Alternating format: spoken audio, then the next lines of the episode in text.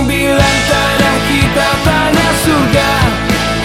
Tongkat kayu dan batu jadi tanaman. Orang bilang tanah kita tanah surga. Tongkat kayu dan batu jadi tanaman.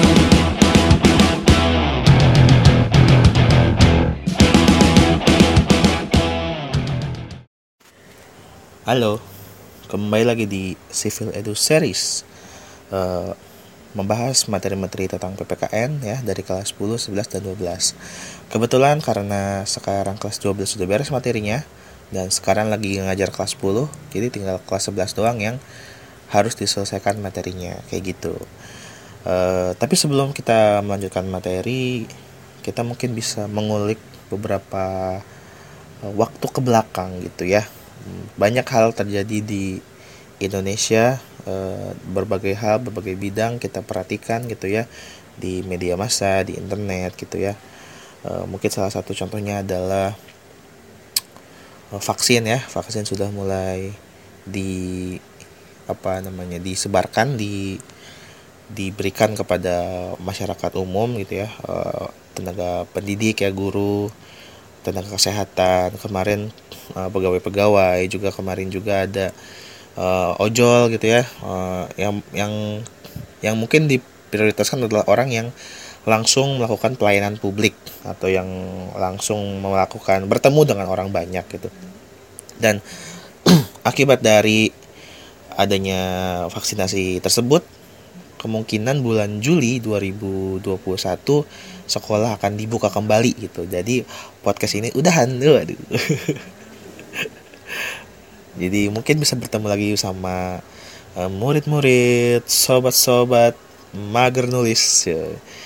Eh, atau enggak bertemu lagi sama ya sama warga sekolah berkumpul lagi bareng-bareng. Tapi mungkin akan ada perubahan yang terjadi dari eh, new normal yang akan dilaksanakan nanti gitu. Di mana entah gimana sistemnya apakah siang pagi siang belajarnya atau enggak gimana yang pasti nggak bakal sebiasa senormal sebelumnya gitu karena pandemi belum selesai tapi kita berusaha untuk melakukan herd immunity atau kekebalan suatu komunitas kelompok gitu jadi eh, orang-orang yang divaksin itu menjadi tameng untuk mencegah terjadinya penyebaran lebih luas. Kenapa tujuan melaksanakan vaksin adalah itu kan? Sebenarnya vaksin itu kan menyuntikkan virus ke dalam tubuh kita tapi sudah dilemahkan sehingga pas virus mau datang ke dalam virus eh, ke dalam tubuh kita sudah ada gitu. Wah, sudah ada. Akhirnya keluar lagi gitu. Karena udah eh, apa udah kebal gitu. ya, itu jadi eh, baru-baru ini gitu jadi ba- kabar baiknya ya kita sebentar lagi akan menyudahi belajar online yang penuh dengan eh, penghabisan kuota ini gitu ya jadi mungkin kalian bisa agak santai belajar di sekolah menggunakan eh, buku pulpen dan eh, tapi tetap sih kalau guru ngejelasin pasti ujung-ujungnya pak mau saya foto? Aduh. tidak mau menulis. Mager mager mager. Oke eh berita selanjutnya mungkin kita apalagi ya yang terjadi? Oh ada perseteruan ya antara Indonesia dengan negara lain. Banyak sekali yang terjadi di waktu belakang ini yang pertama masalah bulu tangkis ya timnas bulu tangkis Indonesia yang dipaksa untuk mundur dari turnamen All England eh, karena katanya sih ada penumpang pesawat di timnas yang barengan sama timnas itu covid. Jadi e, mereka harus isoman akhirnya harus terpaksa mengundurkan diri gitu. Tapi banyak kecaman dari masyarakat kita di mana ini nggak adil gitu. Harusnya mah tunda aja dulu atau kayak gimana. Nggak nggak ngerti lah. Yang penting yang intinya sih masyarakat Indonesia kecewa dengan keputusan dari turnamen tersebut. Tapi kalau dipikir-pikir kan Indonesia ngapain ikut All England ya? Kan All England. Orang Inggris semua. Waduh. Nggak bercanda itu ya. Ada juga eh, perseteruan yang mungkin tidak terlalu penting tapi kenapa jadi seviral ini ya? Dewa Kipas melawan Gotham Chess ya. Entah kenapa jadi viral banget gitu ya. Orang-orang jadi memperhatikan kasus mereka gitu. Padahal kan itu secara konsep adalah game online ya gak sih? Game online kebetulan gamenya catur gitu. Uh, yang biasa menang kalah oleh mungkin noob yang baru pertama kali main di game online tersebut terus ngerasa aneh terus Indonesia diblokir ya dari chess.com nggak bisa main catur online di web situ. Kemudian jadi polemik polemik akhirnya persatuan catur Indonesia turun tangan menilai memang Pak Dadang atau Dewa Kipas dari Indonesia itu melakukan kecurangan. Yang akhirnya ujung-ujungnya apa? Ujung-ujungnya jadi panjang aja gitu. Padahal kan itu cuma game online gitu loh. Ya nggak sih? Kayak lu, lu kalah menang ya udah kenapa? Apa apa ininya gitu lah. Nggak nggak menunjukkan lu adalah seorang pro juga sih maksudnya. Kalau emang kalah menang gimana ya? Yang katanya hari Senin tanggal 22 nanti kan si Dewa Kipas mau lawan Grandmaster Catur Indonesia gitu. Ya aneh banget deh ya adalah nggak gue nggak bisa main catur sih jadi taunya skakmat doang gitu. Jadi ya itu itu juga salah satu berita gitu di mana uh, yang mungkin gue perhatiin bukanlah masalah itu tapi masalah uh, netizennya gitu ya masyarakat Indonesia yang di dunia maya yang akhirnya mendapatkan predikat yang baik gitu ya. Predikat paling tuh paling kan berarti kan hebat gitu ya. Paling tidak sopan se Asia Tenggara. Waduh. Kenapa ada pemberian reward seperti itu?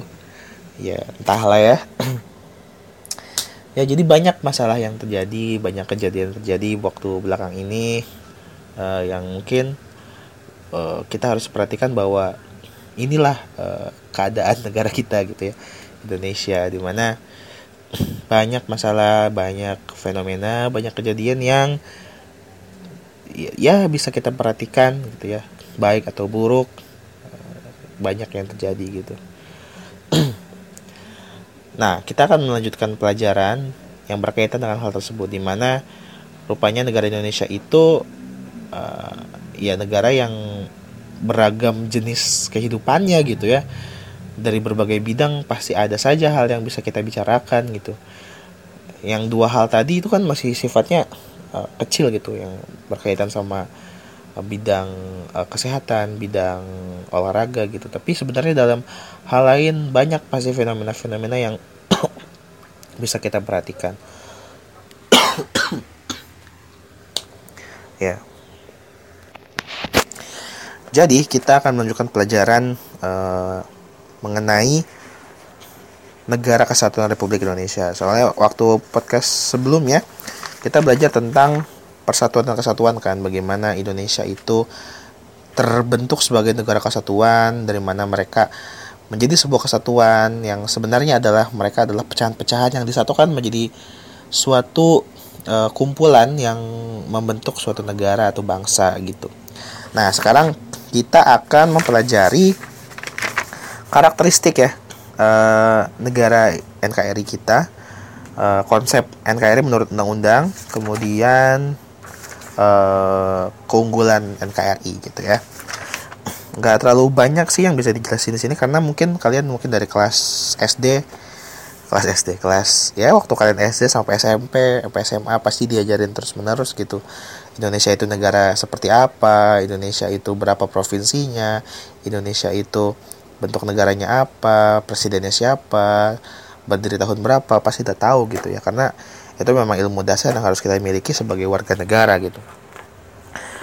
sebagai warga negara yang baik, tentunya kita harus memahami pengertian dan makna negara Indonesia. Makna itu penting diketahui untuk semakin mempertegas identitas kita sebagai bangsa sebagai sebagai bagian bangsa dari Indonesia. Oleh karena itu, uh, kita akan mengetahui nih makna konsep NKRI menurut Undang-Undang Negara Republik Indonesia tahun 45. Jadi e, kalau kita lihat di pasal 1 gitu ya, Indonesia itu adalah negara yang e, berbentuk republik dan merupakan negara kesatuan. E, ini merupakan sebuah hasil yang memang sudah menjadi keputusan bersama sejak tahun 98 mungkin kalian ingat tahun 1928 tahun 1928 itu ada peristiwa Kongres Pemuda gitu ya di mana kita mengetahui Sumpah Pemuda ya kan uh, bertanah air satu, berbangsa berbangsa satu dan berbahasa satu gitu ya. dan akhirnya dari situ uh, muncullah keinginan bahwa negara Indonesia haruslah berbentuk kesatuan, bukan negara-negara uh, bagian kayak Amerika. Walaupun sebenarnya Indonesia bisa aja dijadikan negara bagian. Uh, kayak misalnya ada negara Jakarta gitu, negara Jogja, negara Jawa Barat gitu. Tapi tidak sesuai dengan cita-cita kita. Kita ingin semuanya itu menjadi satu negara yang sama, namun eh, ya tadi walaupun berbeda-beda, berpisah-pisah, tapi tetap menjadi satu bangsa yang utuh kayak gitu. uh, wujud negara kesatuan Republik Indonesia semakin kukuh setelah dilakukan perubahan UUD tahun 45. Perubahan itu dimulai dari adanya TAP MPR yang salah satunya adalah tidak mengubah pembukaan Undang-Undang Dasar Negara 45 eh, dan tetap mempertahankan negara kesatuan Republik Indonesia sebagai bentuk final. Jadi udah final nih, udah fix gitu ya. Kalau skripsi itu udah fix x x x x x uh, udah fix banget lah gitu. Jadi uh, sampai kapan pun negara Indonesia akan terus menjadi negara republik dan kesatuan gitu ya. Eh, nggak uh, bisa ganti-ganti lagi. Dulu kan sering ganti gitu ya. Waktu kita masih masih merdeka awal-awal kita sempat jadi negara serikat kayak Amerika terus kemudian kita juga apa gitu ya punya negara-negara bagian. Kemudian kita pindah-pindah gitu pindah-pindah ideologi karena memang kita masih disetir oleh uh, banyak pihak gitu ya yang ingin memasukkan Indonesia ke dalam blok sini blok sana gitu. Dan akhirnya kan kita yang membuat yang namanya gerakan non blok yang pada ujungnya mem membiarkan kita itu tidak berpihak pada blok mana pun yang memudahkan kita mencapai yang namanya perdamaian kayak gitu. Kesepakatan untuk tetap mempertahankan bentuk negara disadari e, pertimbangan bahwa negara kesatuan adalah bentuk yang ditetapkan sejak awal berdirinya negara Indonesia. Bentuk negara kesatuan dipandang paling tepat untuk mewadahi persatuan sebuah bangsa yang majemuk ditinjau dari pemikiran latar belakang UUD 45 secara nyata mengandung semangat agar Indonesia bersatu baik sebagaimana tercantum dalam pembukaan maupun pasal-pasal yang langsung menyebutkan tentang negara kesatuan Republik Indonesia gitu. Jadi banyak pasal-pasal di Undang-Undang Dasar yang menggambarkan bahwa Indonesia itu ya udah negara kesatuan yang memang harus dijaga keutuhannya kayak gitu. Dan uh, dari pembukaannya pun ya uh, banyak menggambarkan bahwa cita-cita kita adalah cita-cita untuk meningkat, uh, meningkatkan negara kita dan mempertahankan kemerdekaan kita gitu. Jangan bisa terombang-ambing lagi. Makanya pembukaan atau preambul Undang-Undang Dasar yang sering kita baca kalau upacara, Undang-Undang Dasar Negara Republik Indonesia tahun 1945 pembukaan bahwa sesungguhnya dan lain-lain selanjutnya itu nggak bakal diganti-ganti terus gitu mungkin sekali diganti waktu itu di mana sebelumnya kan apa tuh yang sila pertama itu uh, uh, ketuhanan dengan apa syariat Islam dan lain-lain gitu ya gue lupa takut salah makanya ya kayak gitulah ya. Kemudian digantikan jadi ketuhanan yang maha esa gitu. Itu doang sih yang gue lihat yang diganti sisanya sih nggak ada gitu. Bahkan sampai sekarang kita terus menggunakan pembukaan tersebut gitu kan. Di mana pembukaan tersebut memang menjadi dasar banget gitu untuk melihat uh, apa tujuan dan harapan bangsa Indonesia ke depannya kayak gitu banyak banget ya jadi pasal-pasal kayak pasal 1, pasal 18, pasal 25, pasal 37 uh, eh, di Undang-Undang Dasar yang intinya tuh mengukuhkan negara kesatuan Republik Indonesia dan keberadaan lembaga-lembaga dalam Undang-Undang Dasar Indonesia tahun 45. Prinsip kesatuan dalam negara NKRI dipertegas lagi dalam alinea keempat pembukaan Undang-Undang Dasar dalam upaya membentuk suatu pemerintahan negara yang melindungi segenap bangsa Indonesia dan seluruh tumpah darah Indonesia. Gitu. nah, nah, gitulah ya. Jadi intinya uh, tujuan kemerdekaan bangsa Indonesia itu ya harus memang dipertahankan gitu ya gitu. Jadi negara Indonesia negara yang kesatuan negara kesatuan yang tidak perlu lagi diubah-ubah karena memang sudah menjadi cita-cita dasar seluruh rakyat Indonesia. Mungkin ada yang berpikir kenapa Indonesia nggak jadi negara serikat aja ya gitu. Bisa aja di negara serikat tapi kenapa nggak sesuai dengan cita-cita bangsa? Karena pada dasarnya dulu itu uh, sebelum dijadikannya Indonesia sebagai sebuah negara. Indonesia itu adalah wilayah yang terdiri atas banyak kerajaan-kerajaan. Kalau misalnya uh, negara Indonesia itu masih menggunakan sistem feodal atau sistem bagian-bagian daerah gitu yang dikuasai masing-masing oleh kepala negara atau kepala wilayah gitu ya uh, akan muncul banyak masalah gitu sekarang aja yang masih yang sudah jadi negara kesatuan masih banyak gesekan-gesekan konflik horizontal, konflik antar suku, antar golongan yang terjadi di Indonesia. Apalagi kalau negara Indonesia itu bukan negara kesatuan, tapi negara bagian. Satu sama lain bukan berkonflik, tapi bisa berperang. Karena mereka ngerasa mereka punya militer sendiri, mereka punya kekuatan sendiri, mereka punya uh, apa namanya daya tempur sendiri masing-masing. Akhirnya uh, yang namanya uh, persatuan akan susah terjadi bahkan akan mustahil terjadi kalau misalnya Indonesia sampai sekarang masih menggunakan eh, negara-negara uh, bagian. Karena pada dasar awalnya Indonesia memang negara yang terpisah-pisah. Bahkan di Pulau Jawa kerajaannya banyak kan kerajaan Mataram, kerajaan uh, apa lagi tuh kerajaannya nggak tahu tanya guru sejarah ya eh, kerajaan Majapahit dan lain-lain di Sumatera ada Sriwijaya ada kerajaan banyak tidak tahu diriku ini ya. Jadi kalau misalnya sampai sekarang kayak gitu coba bayangin uh, uh, kita di Sunda di Bogor kerajaan Pajajaran gitu misalnya.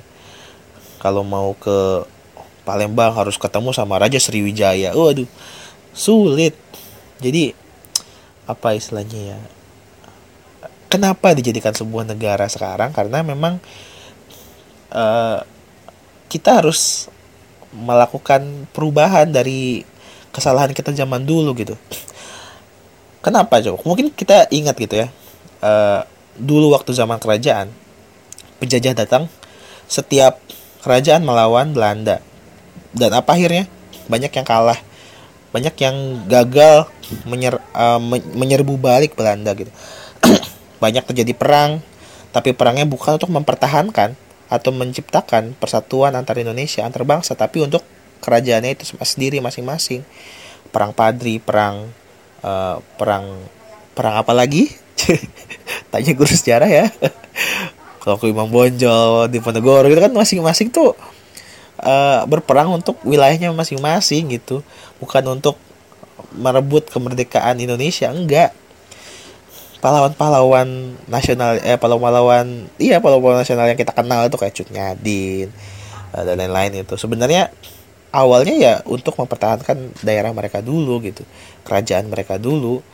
Uh, sampai pada akhirnya kita menemukan masa di mana adanya tadi tuh sumpah pemuda yang tidak mau lagi tuh seperti uh, waktu dulu di mana uh, setiap wilayah mempertahankan wilayah mereka masing-masing dari penjajah tapi tidak berpikir untuk menyatukan wilayah apa namanya lain gitu untuk melawan penjajah gitu.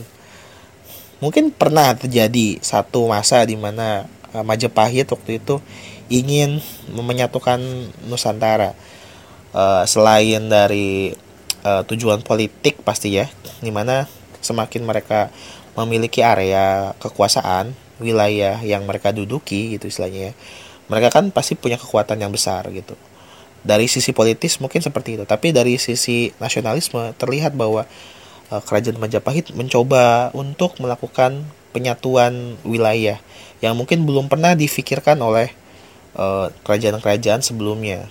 Sehingga uh, semangat Gajah Mada saat itu kan yang di mana nggak mau makan sampai uh, Nusantara bersatu gitu. itu sangat uh, mencerminkan semangat persatuan saat itu. Jadi semakin uh, berkembang pemik uh, tahun ya semakin maju tahun ya semakin berkembang pemikiran kita untuk bersatu. Dan sampai saat ini di masa sekarang ini PR kita adalah hanya untuk mempertahankannya. Karena perjuangan untuk menyatukan itu sudah dilakukan oleh sebelum-sebelumnya oleh Majapahit, oleh Sriwijaya, mungkin oleh uh, Kongres Pemuda saat itu, kemudian BPU PKI, PPKI sampai sekarang kita udah punya pemerintah sendiri. Ya kita sebagai warga negara adalah mempertahankannya. Bagaimana caranya kesatuan ini yang notabene kumpulan dari pecahan-pecahan ini tidak pecah kembali kayak gitu. Ya seperti itulah ya e, kemudian banyak juga kesatuan-kesatuan yang bisa kita perhatikan di Indonesia. Banyak kesatuan politik kesatuan hukum kesatuan sosial budaya kesatuan pertahanan keamanan. Uh, intinya sih yang mungkin ini udah gue jelasin minggu kemarin gitu di mana uh, setiap bagian setiap uh, hal di Indonesia pasti punya uh, sesuatu yang disatukan baik dari politiknya. Karena misalnya kayak politik misalnya di politik itu uh, sebelum masa kemerdekaan pun sudah ada namanya politik etis gitu di mana oh, banyak kelompok-kelompok elit yang membentuk ideologinya sendiri gitu.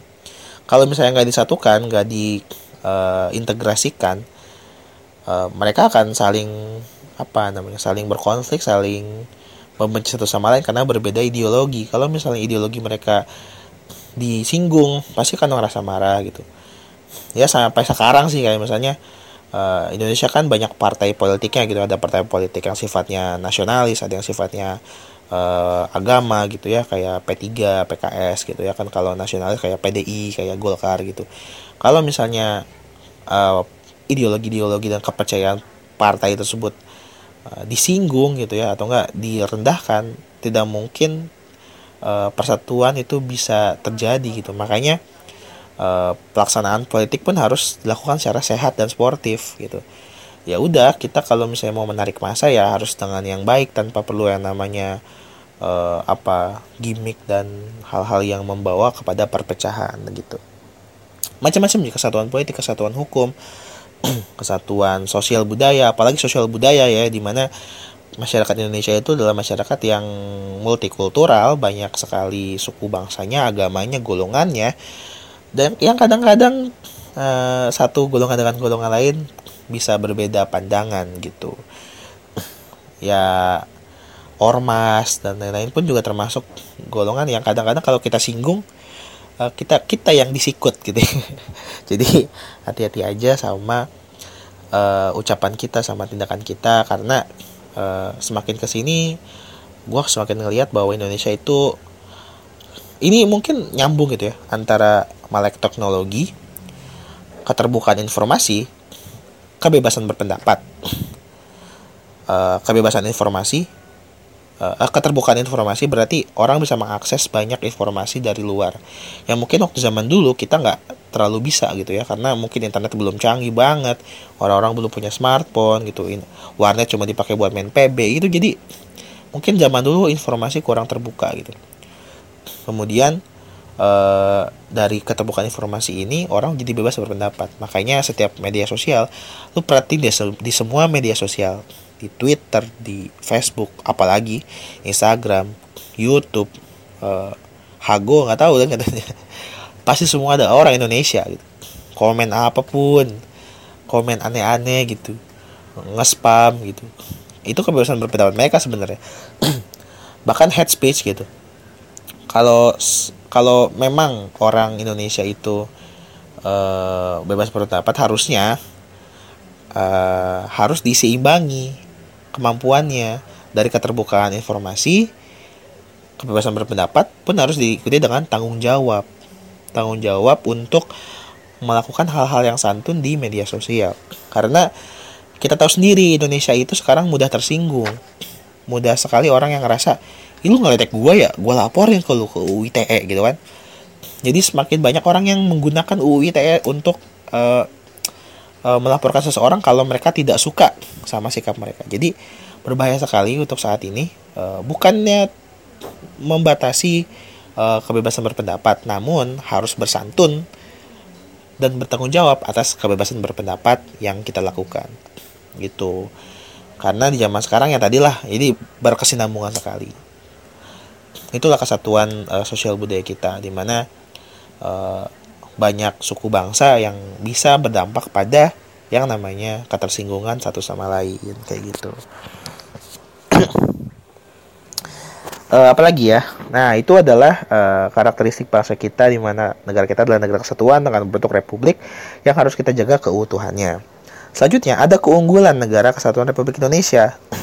Keunggulannya itu sebenarnya banyak banget ya. Negara kita itu uh, dari masyarakatnya, dari geografisnya, dari sumber dayanya, wah semuanya tuh kita menang dari semua negara yang lain gitu. Karena kita negara-negara yang sangat besar kalau bisa kita perhatikan gitu ya. 17.000 pulau pak bayangin.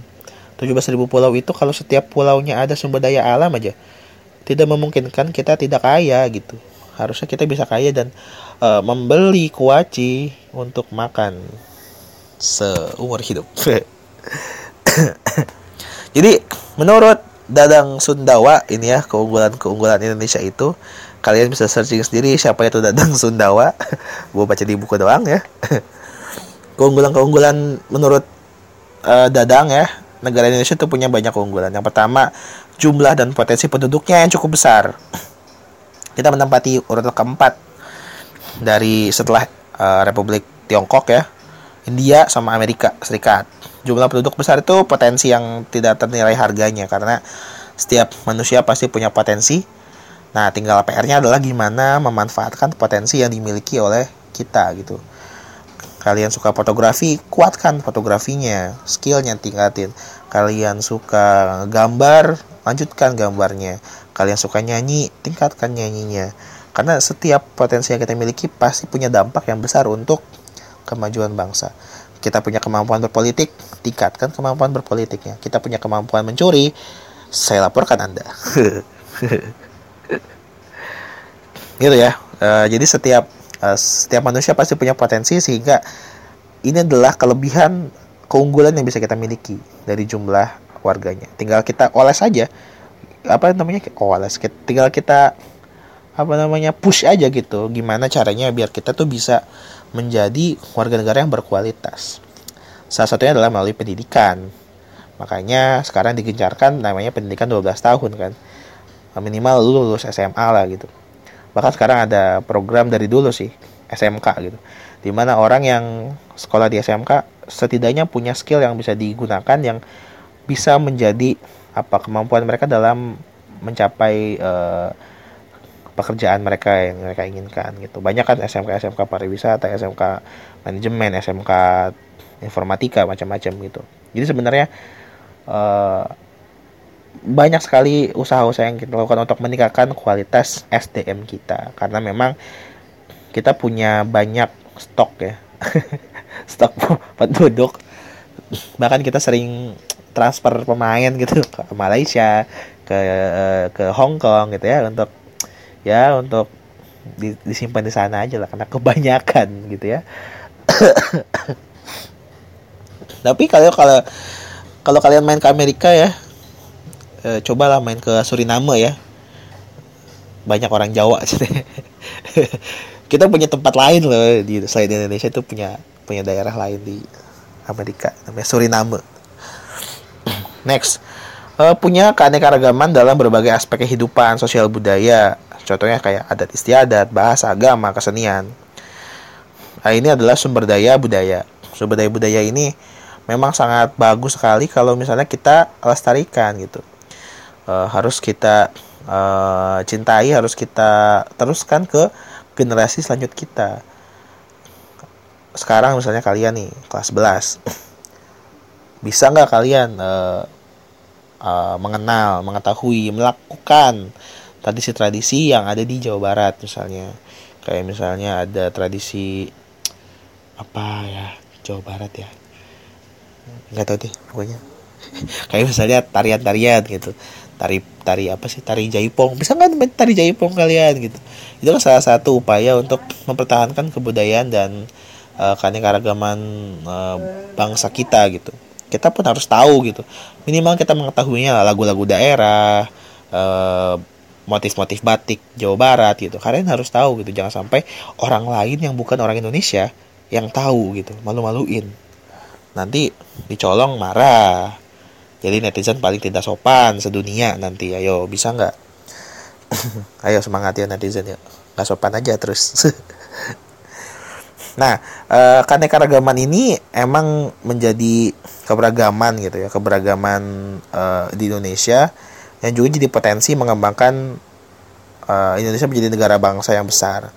Didorong oleh adanya semangat persatuan kesatuan sehingga sekalipun perbedaannya ada uh, tapi persamaan semangat spirit persatuannya yang ditunjukkan dari keanekaragaman budaya tersebut.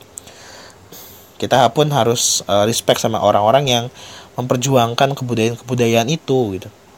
Memperjuangkan perjuangan kebudayaan-kebudayaan uh, yang hampir punah. Mungkin kalian tahu yang namanya saung ujo gitu ya. Saung ujo itu adalah uh, salah satu uh, apa sih tempat belajar angklung yang sering di uh, dipanggil ke luar negeri gitu ya untuk uh, tampil angklung, ngajarin angklung, mengenalkan angklung ke uh, ranah dunia, bukan ranah Indonesia aja gitu. Jadi itu salah satu cara yang paling bagus gitu untuk uh, mencintai budaya kita adalah membuat budaya kita itu terkenal di orang lain gitu.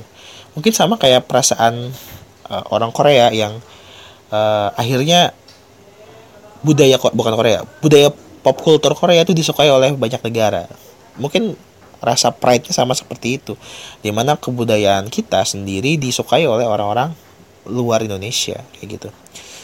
Mungkin kalian kalau mau iseng ya cari aja di YouTube dangdut in Amerika di situ banyak orang Amerika, bule-bule Amerika nyanyi lagu dangdut Indonesia. Itu adalah salah satu bukti juga bahwa uh, budaya uh, Indonesia, contohnya dangdut, itu sudah mulai dikenal oleh masyarakat luar Indonesia. Entah mungkin itu orang Suriname, enggak tahu juga. Next ada keunggulan dalam pengembangan wilayah secara geografis kita punya konsep wawasan Nusantara. Sehingga sekalipun terdapat berbagai keanekaragaman namun prinsipnya kita tetap satu pandangan yaitu memandang bahasa Indonesia sebagai satu kesatuan. Yang udah kita jelasin minggu kemarin di mana secara wilayah kita itu memang kesatuan. Semuanya itu punya Indonesia bukan punya orang Jawa bukan punya orang Sumatera bukan punya orang Sulawesi gitu. Bukan punya orang Papua kita orang gitu. Jadi uh, semuanya itu punya orang punya Indonesia uh, keanekaragaman uh, hayati, keanekaragaman uh, wilayah itu semuanya adalah Indonesia, not bukan satu daerah aja gitu. Ada keunggulan lain di antaranya semangat sumpah pemuda yang diras yang merasuki jiwa dan kalbu bangsa Indonesia. Ini emang sih kayaknya setiap upacara kan kita sering mengucapkan sumpah pemuda ya. Eh enggak ya? Iya gak sih? Dulu SMP gue pernah deh setiap upacara. Mungkin kalau SMA kan janji siswa.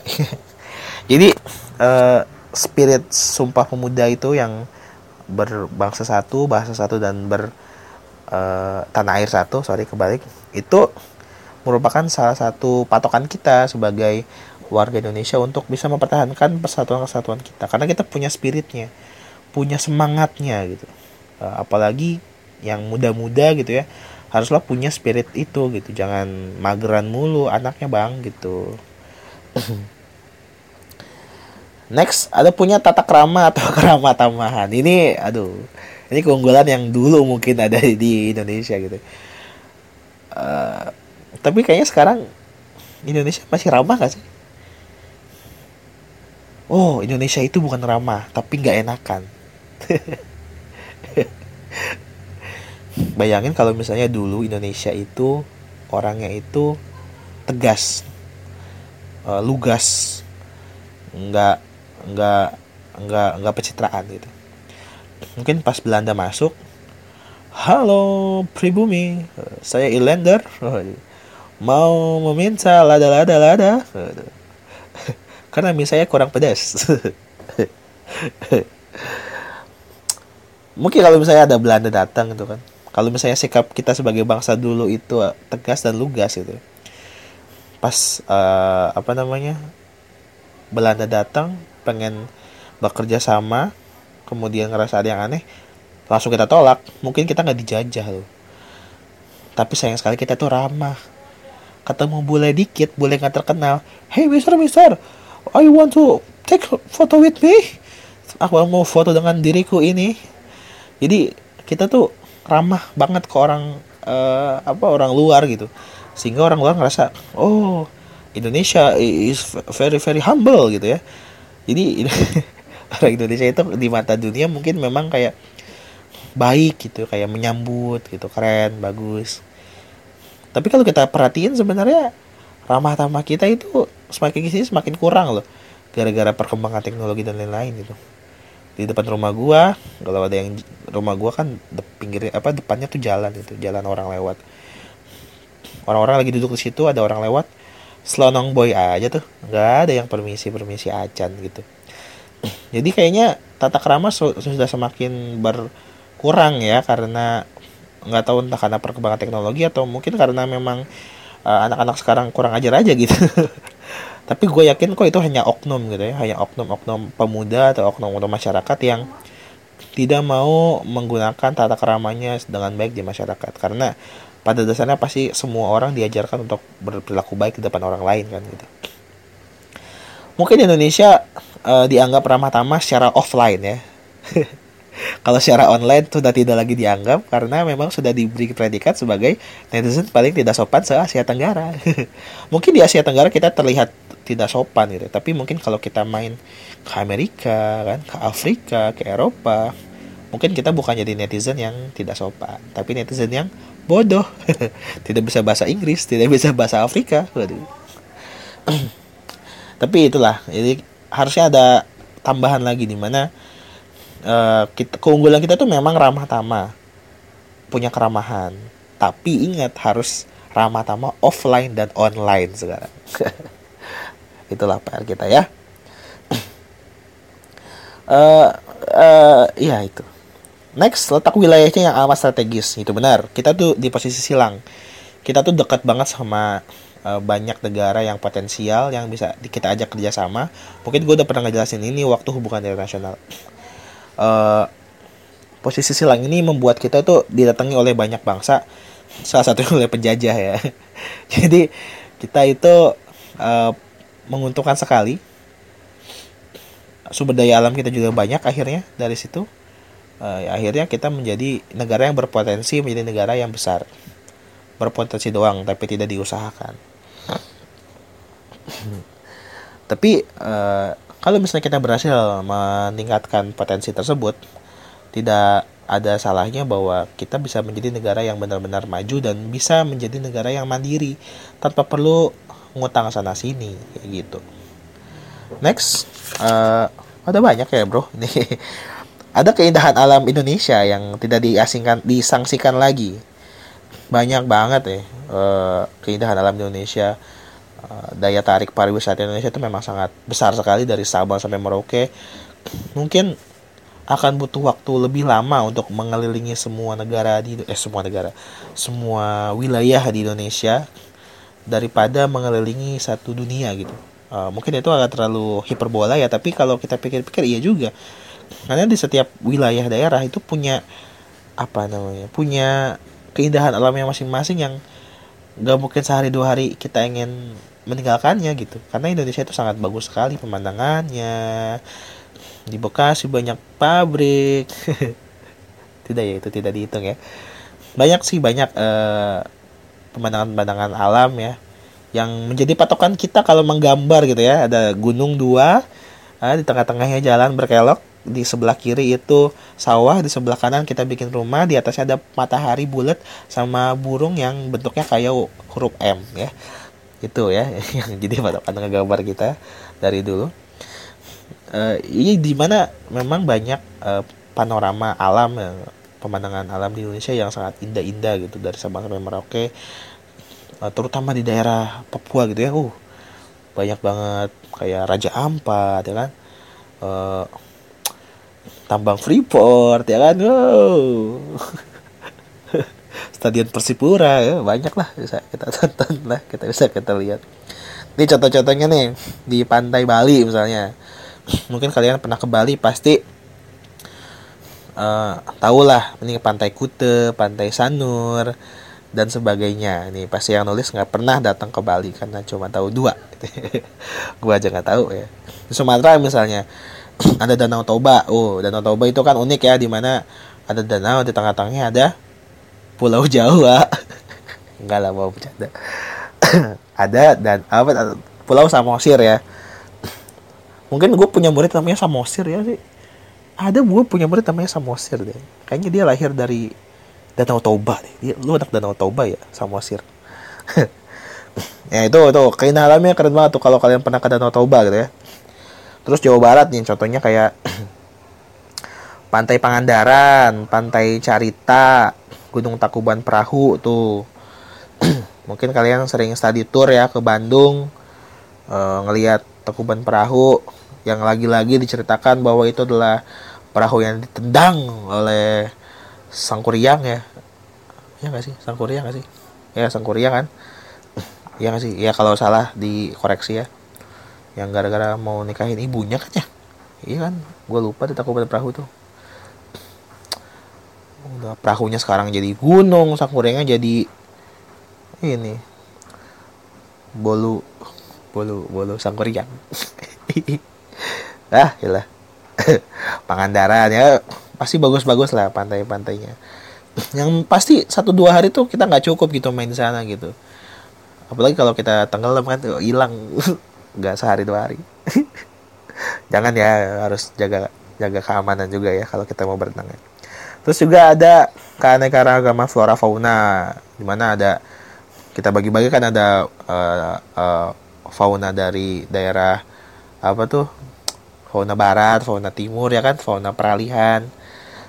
Ya itulah ya belajar geografi sana. Terus ada juga uh, keunggulan di antaranya banyak keajaiban dunia.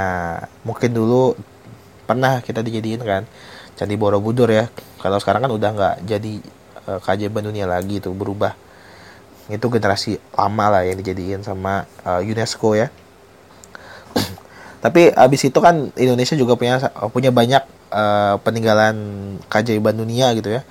Uh, yang sekarang itu adalah Pulau Komodo di mana isinya adalah semua komodo.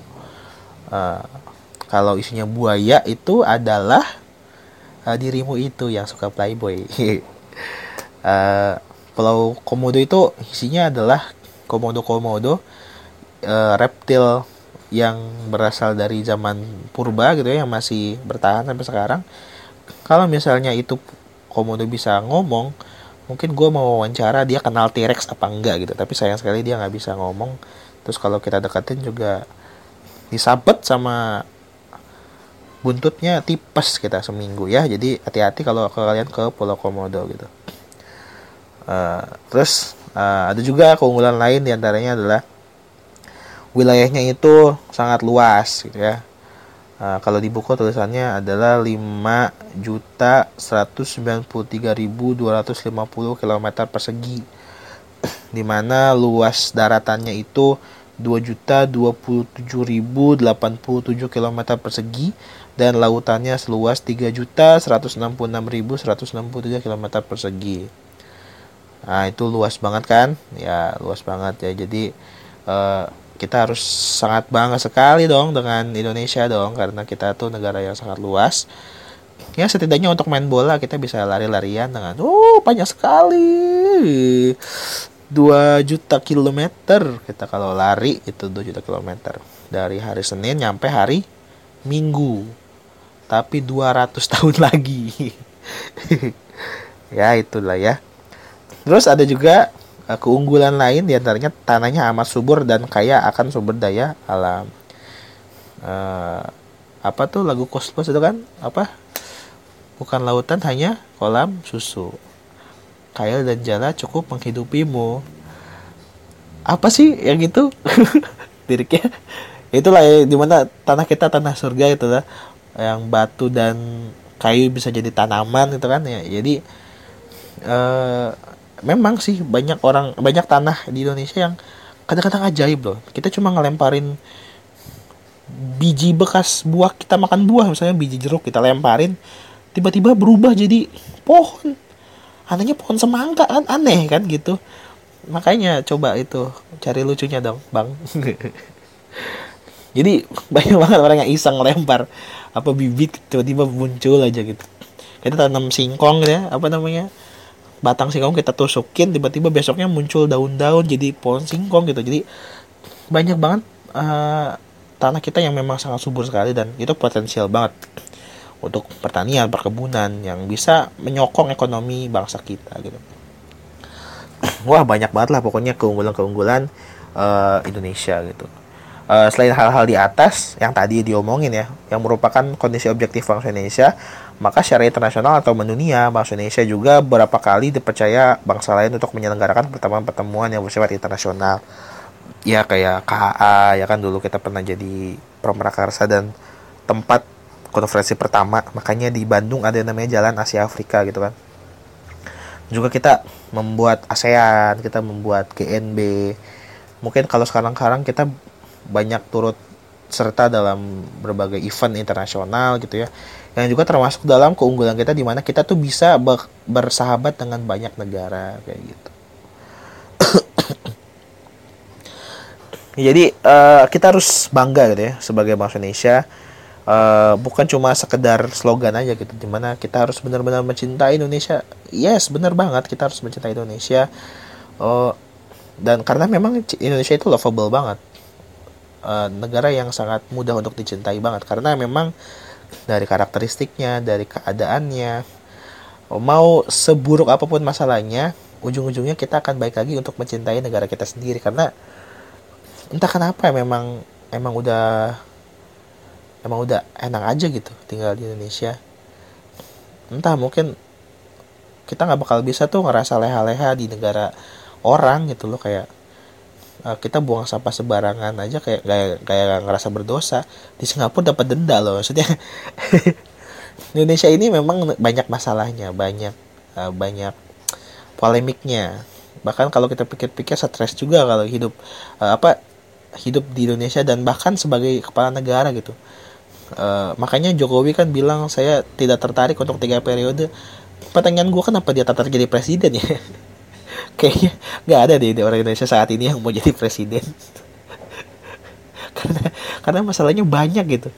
Kayak alah lah wah pusing lah diriku ini ya udahlah. Tapi tetap kita harus cinta sama Indonesia karena memang ini tanah air kita gitu. Seburuk apa pun uh, rumah kita, ini rumah kita gitu jadi PR-nya adalah gimana cara kita bisa ngebersihinnya bukan kabur ke rumah orang. Itu aja sih. Ya udah itu aja lah. Uh, uh, kita mengenal mengenai Indonesia dan keunggulan-keunggulannya. Mudah-mudahan bisa didengarkan ya. Entah ini mau didengarkan sampai habis tapi kalau sampai habis mungkin dapat uh, serunya dikit-dikit lah ya respect lah. Ya udah itu aja. Uh, terima kasih. Apakah penjelasan mengenai Indonesia diriku ini benar atau tidak ya itu baik lagi kalian karena ini adalah podcast ngalor ngibul. Bye. Let's go